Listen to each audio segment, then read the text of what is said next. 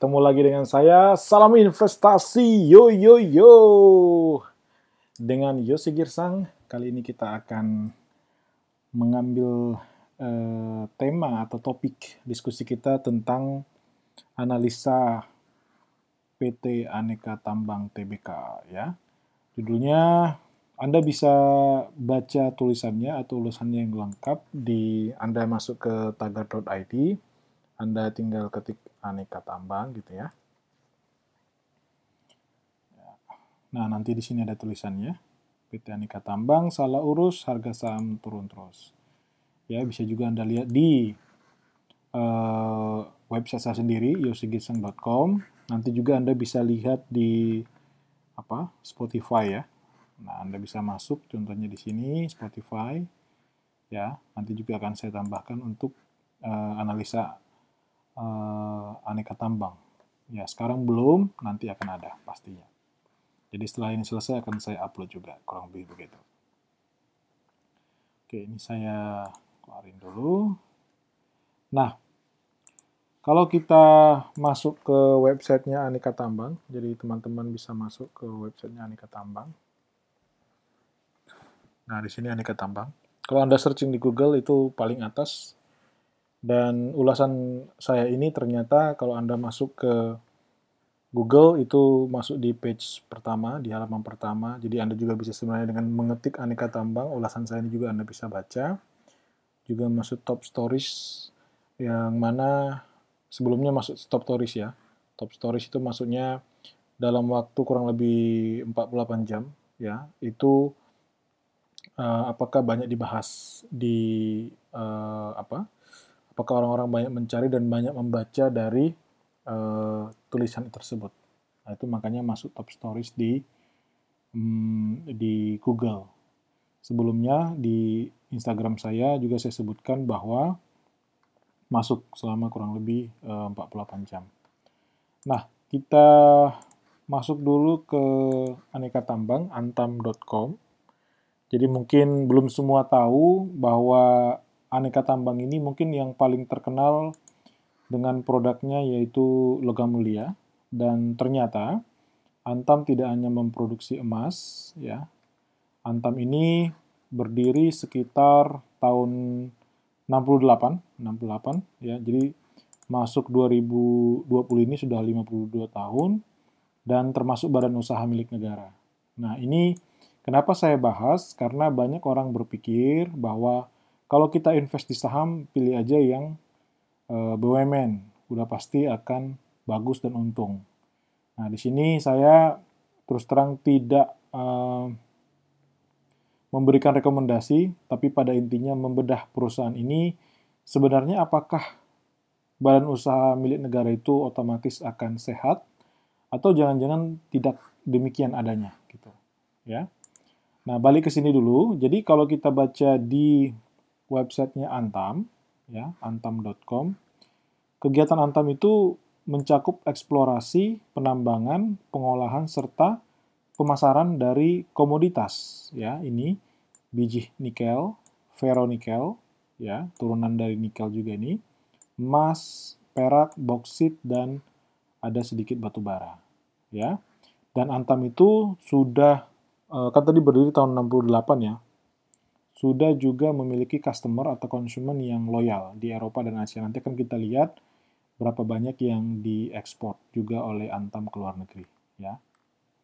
Nah ini dia sekilas tentang Antam.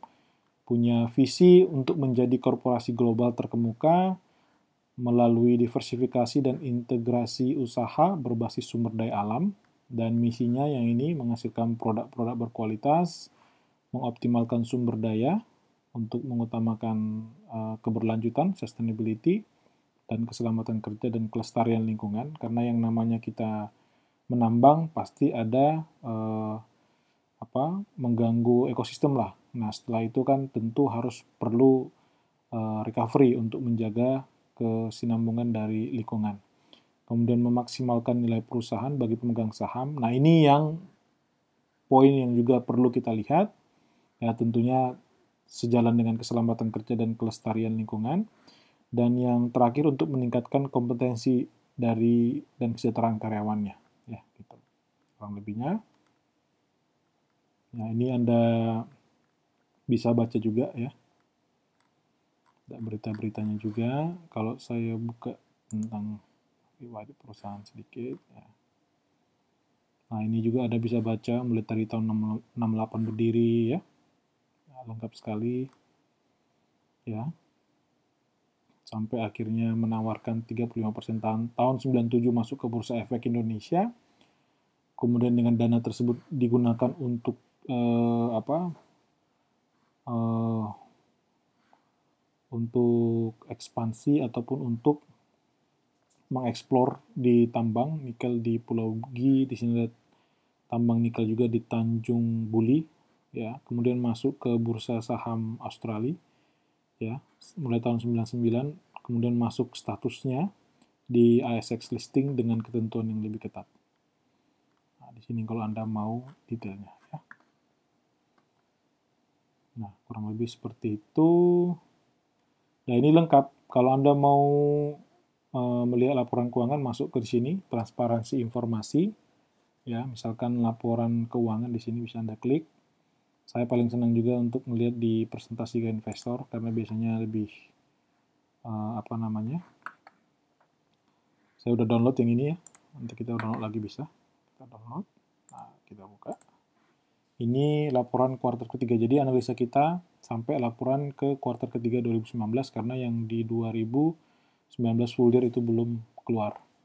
Nah kalau kita lihat bahwa Antam itu sudah mengekspor ke Korea Selatan, Cina, India, Taiwan, dan beberapa negara ASEAN di uh, Asia Tenggara.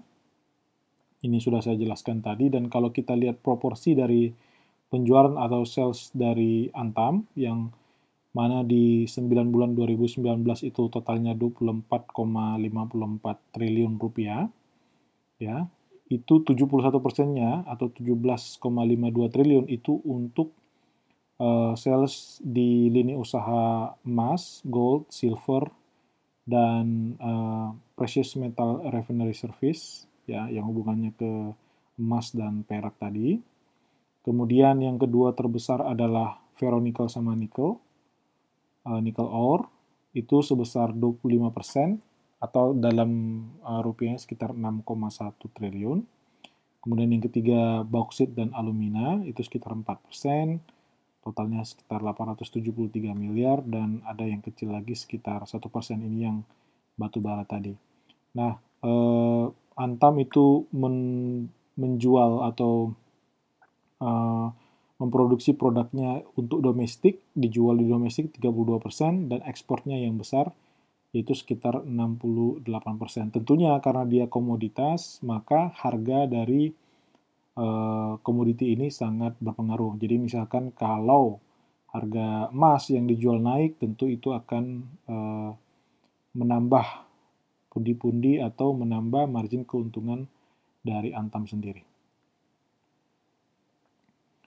Nah, kalau kita bagi uh, ada integrated mining company-nya ada tiga mulai dari upstream sampai finish product yang ini yang nikel dia punya di Pomala untuk penambangan di North Kono Konawe Konawe Utara kemudian Halmahera Timur dan Pulau Gek ya dia punya penambangan uh, nikelnya sorry dan ini ada ferronickel plant-nya untuk pemrosesannya dan ada Halmahera Timur juga ferronickel plant yang sedang dalam uh, pengembangan development project.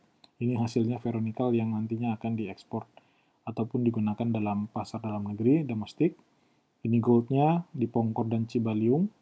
Dan ini bisa Anda baca lah, sampai akhirnya ini logam mulia yang uh, diperjualbelikan ke masyarakat kita yang biasanya dibeli kalau nggak salah paling kecil sekitar 1 gram sampai ada yang uh, eh, 100 gram atau mungkin 1 kilogram ya kalau nggak salah.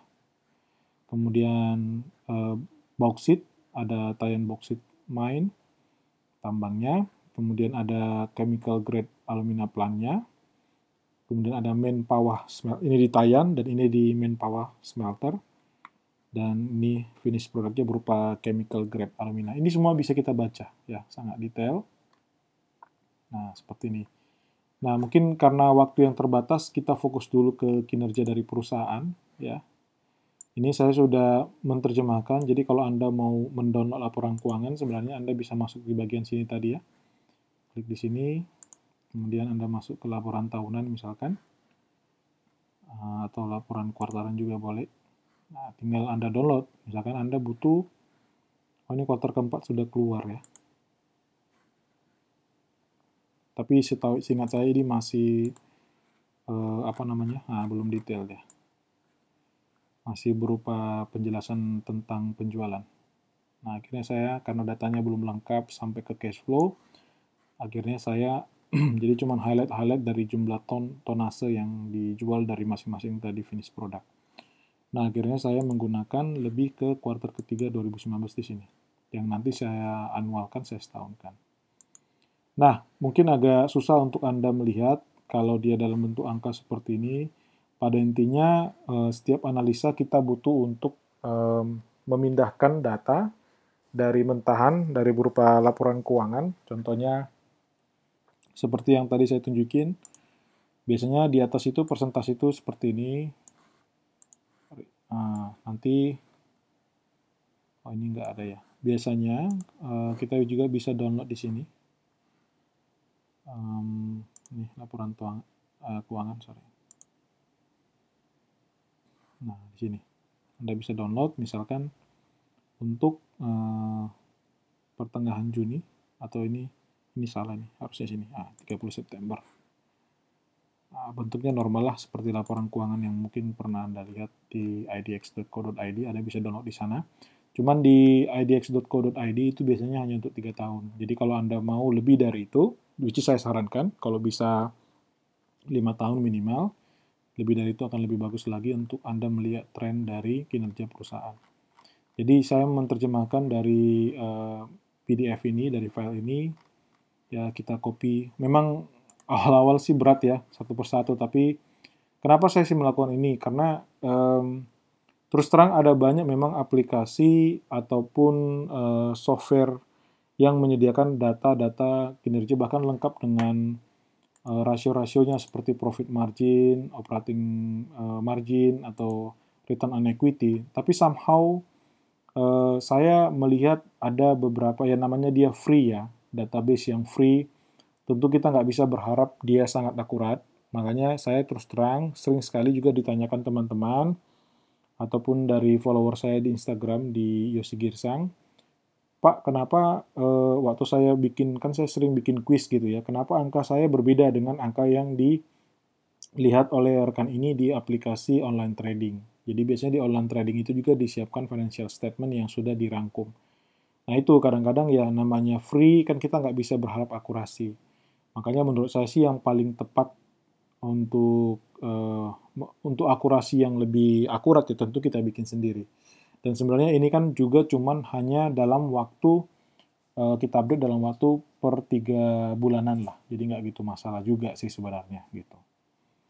Nah, sekarang sebelum kita bahas kinerja sedikit, uh, tadi kan dijelaskan bahwa misi dari Antam itu untuk uh,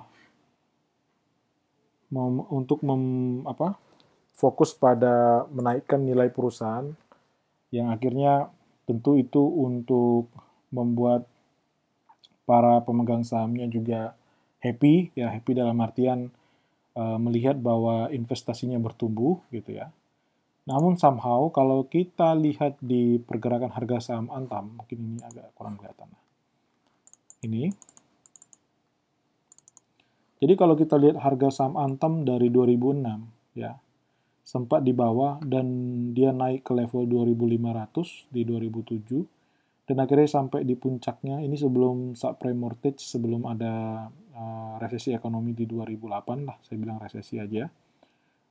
Uh, itu sampai di angka 3900 ya 3926 nah kalau ada orang yang menggantungkan nasib dana pensiunnya di saham Antam selama kurang lebih 13 tahun dari 2006 sampai 2020 atau 2019 itu udah pasti merugi. Kenapa? Karena per uh, per data terakhir Ini saya posting di sekitar tanggal 6 Maret, di sini ada 6 Maret, itu 610 harganya. Bayangkan sempat di 3.900, turun hampir 84,5 persen. Jadi sangat dalam sekali. Oke, mungkin orang nggak akan beli tepat di atas. Mungkin orang sudah beli ketika sudah turun setengah. Ya, turun setengah di harga 1963 kalau kita bagi dua antara 3926 ini bagi dua menjadi 1963 ya. Nah itu sendiri kalau udah diturun 50% jadi tengah sini baru dibeli itu pun masih rugi kurang lebih 68,9% di saat sekarang di harga 610 ya. Dan dan kurian itu sendiri oke okay, kita asumsikan uh, sorry dan kerugian itu sendiri belum memperhitungkan inflasi karena kita tahu bahwa uh, kita sebenarnya ada inflasi uh, kurang lebih kalau dari 2006 sampai 2019 mungkin sekitar 6 persenan lah rata-rata. Ya, walaupun dalam eh, lima tahun terakhir itu hanya di angka sekitar 3-4 persen. Tapi kalau kita average dari 2006 itu mungkin sekitar 6 persenan. Jadi tiap tahun ada 6 persen lagi selama 13 tahun. Artinya Anda sebenarnya nggak cuma rugi yang tadi eh, 84% atau 68%, tapi ada inflasi lagi, ya kalau kalau Anda kali aja 6 kali 13 kan sudah berapa itu? Sekitar 80-an ya, hampir 80 ya, kurang lebih. 80% sendiri dari inflasi gitu. Itu yang sudah menurunkan eh, nilai dari eh, uang Anda ya, di luar dari kerugian karena turunnya harga saham. Dan itu eh, kita pakai skenario yang Anda membeli katakan di harga terendah di Oktober 2009, jadi setelah resesi kan masih uh, lanjut lagi di 2009, itu di harga 789, ya dan Anda simpan selama 10 tahun 5 bulan, itu pemegang Antam masih rugi 22,7, belum termasuk inflasi yang tadi kita hitung. Artinya, bahwa saham Antam ini, aneka tambang, ternyata untuk investasi jangka panjang itu tidak baik atau tidak bagus. Jadi persepsi kita mengatakan bahwa saham BUMN itu bagus untuk diinvest jangka panjang, ternyata hal itu tidak berlaku uh, persepsi atau asumsi kita di saham Antam. Ya. Nah, sekarang pertanyaannya, kenapa bisa begitu? Kenapa bisa saham Antam itu akhirnya turun sangat signifikan? Nah, kita lihat kalau saya olah grafik yang dari data ini ya, dari data ini, kalau saya olah berupa chart gitu ya dari 2006 sampai 2019. Nah, ini kita lihat. Sebenarnya sales sales itu yang biru ini penjualan dari Antam ini satuannya dalam miliar rupiah. Itu di 2006 sekitar 5 uh, eh, triliun, 5,6 triliun atau 5.600 miliar. Naik ke 12, di sini agak stagnan, ya stagnan terus, stagnan, ya bahkan bayangkan di 2007 sekitar 12, sempat turun lagi ke 9.000, kemudian melonjak nih ya karena ada beberapa dari uh, plan yang juga sudah beroperasi. Dan akhirnya paling tinggi itu pernah di tahun 2018 kemarin kenaikannya lihat nih hampir 100% ya. Dari 12 triliun naik ke 25 triliun. Naik lagi di kalau kita setahunkan di uh, eh, 2019 naik sekitar 29 triliun. Artinya dari sisi sales, kalau cuma kita lihat dari ujung ke ujung, sebenarnya naik dong gitu ya. Walaupun kita lihat yang sangat kita sayangkan adalah laba bersih ya.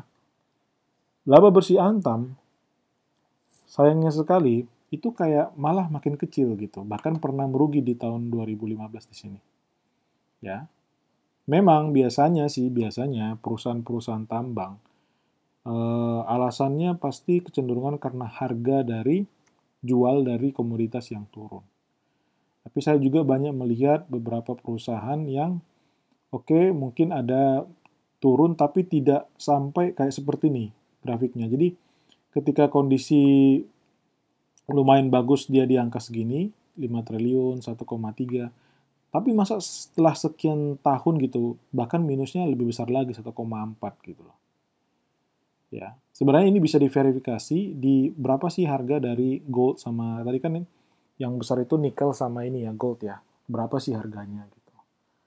Nah, paling gambarannya di nikel itu singkat saya, singkat saya di 2000 seingat saya di 2019 itu cenderung agak tinggi karena pada waktu itu uh, keluar keputusan akan uh, melarang untuk ekspor nikel yang masih berupa barang mentah. Ya, singkat saya itu, singkat saya. Nah, tapi pada intinya walaupun penjualan naik seperti ini, keuntungan hanya di sekitar 804 miliar. Nah, ini yang sayang sekali. Kenapa bisa begitu? Kenapa bisa begitu? Kita coba analisa di daerah sini. Margin. Ya, mungkin ada yang belum tahu apa itu margin. Intinya, kalau dia bicara operating margin, itu adalah membagi antara margin dari laba operasi atau istilahnya sering operating income ini kita bagi dengan penjualan revenue di sini. Ini langsung kita bagi, ya. Kalau dia net profit margin langsung kita bagi antara laba bersih dibagi dengan omset atau penjualan atau revenue. Sehingga biasanya eh, net profit margin biasanya akan selalu lebih rendah dari eh, gross profit margin kecuali ada mungkin saat-saat tertentu karena ada penghasilan perusahaan dari eh, hal-hal uh, lain sifatnya uh, apa pemasukan dari bukan dari bisnis core dari perusahaan. Kurang lebih seperti itu. Makanya di sini di tahun 2006 2007 baik uh, profit margin maupun eh, net profit margin maupun operating profit margin itu masih cukup tinggi.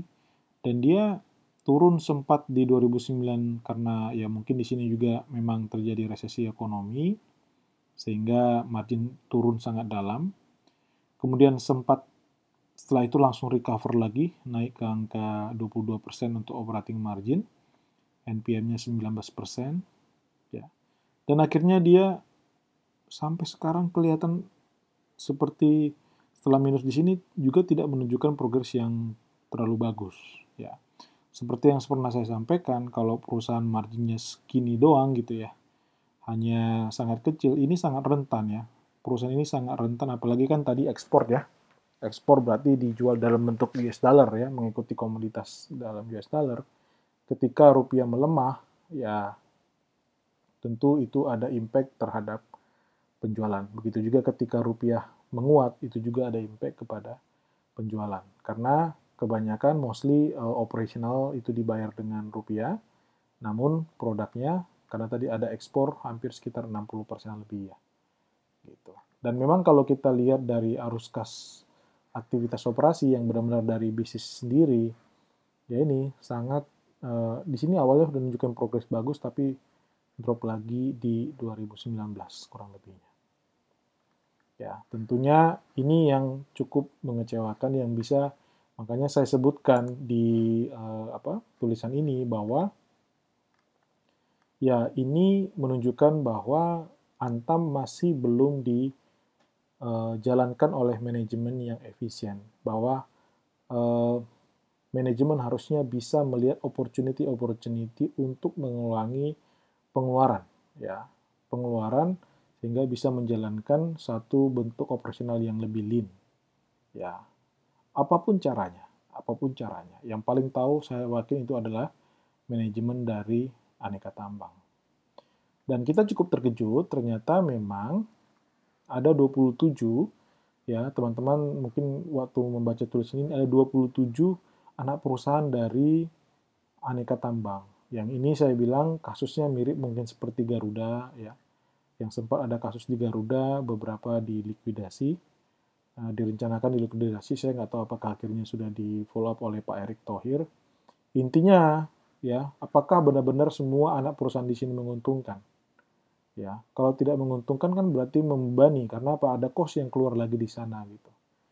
Nah, ini sebenarnya dari uh, pemerintah karena kan saham Antam ini paling besar kan dipegang oleh Indonesia Asahan Aluminium which is itu pun uh, BUMN milik pemerintah ya.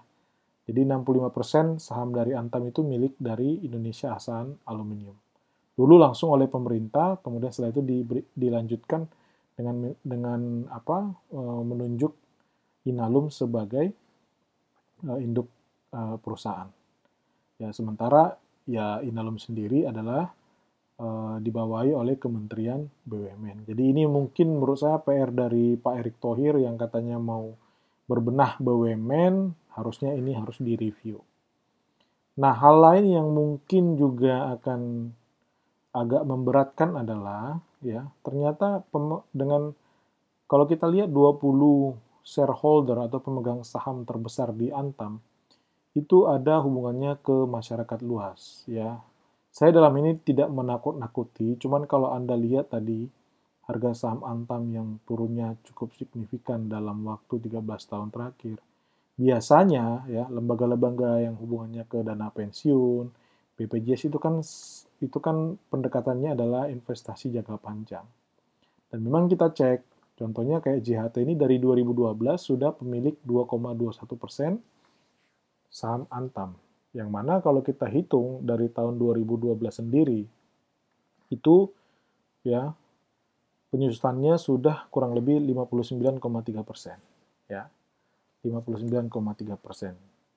Ya memang ada right issue ya, right issue atau penambahan jumlah saham kalau nggak salah di 2005, 2015.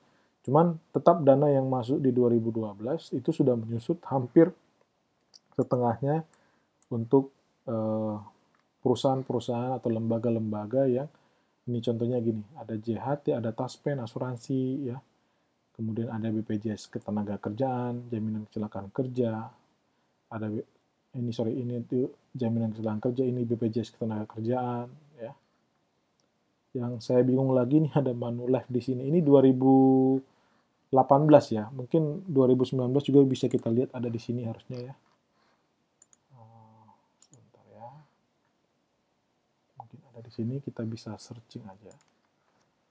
Pemegang saham. Nggak ada ya di sini ya. Atau mungkin kita bisa lihat di website perusahaan. Um, di bagian nah struktur pemilikan nah ini kan ada ini ya Inalum 65%, ini yang tadi JHT 2,17, ini data Desember 2019 ya. Taspen itu 1,9% dari total sahamnya. Ya, ini tinggal kalikan aja nilainya dikalikan harga saat ini sekitar 600-an. Ya. Nah.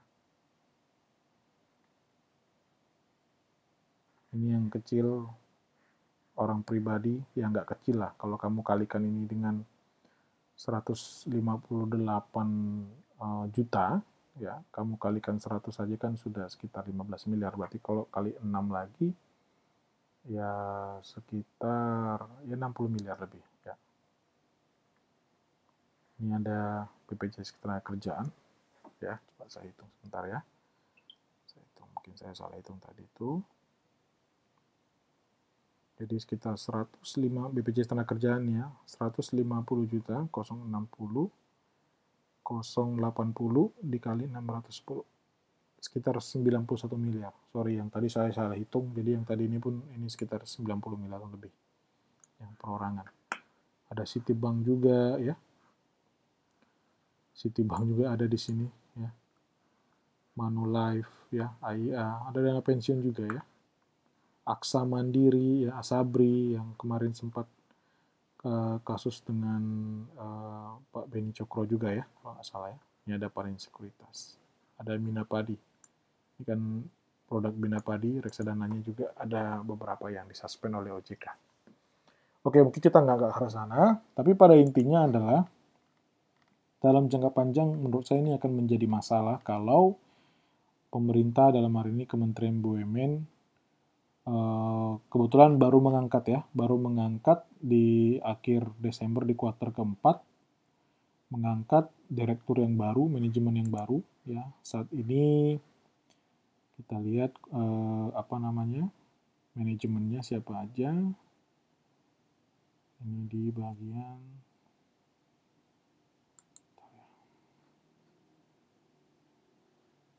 manajemen di sini. Hmm. Ini ada Jenderal Agus Surya Bakti, ya.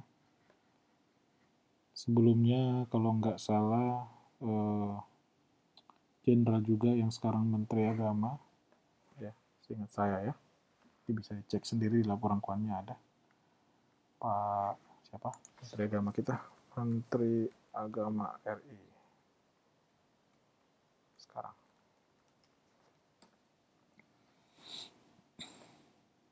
Pak Fakrul Raji, seingat saya itu di tahun-tahun sebelumnya. Ini kalau nggak salah baru ya. Ini juga sebenarnya banyak yang protes juga kenapa komisaris utama dari apa namanya dari angkatan ya. Sebenarnya buat saya sih nggak masalah, yang penting profesional dan paham permasalahan di aneka tambang. Ya. Nah ini Pak dan Amin tantangannya kita lihat ya ada orang-orang yang baru ditunjuk ya. Kita akan monitor terus ya. Mudah-mudahan ada perkembangan yang baik. Pada intinya kita berharap BUMN itu harusnya justru uh, dikelola dengan lebih baik lagi seperti janji dan uh, selalu menjadi uh, katanya Pak Erick Thohir BUMN itu bukan badan usaha milik nenek lu ya. Jadi tolong Pak Thohir ini diperhatikan supaya nanti uh, ke depannya Antam bisa menjadi BUMN yang lebih efisien lagi, nggak cuma fokus untuk mengejar proyek, tapi juga untuk mengatur pengeluaran agar perusahaan lebih sehat dan efisien. Ya, itu dulu analisa kita. Semoga bermanfaat. Salam investasi.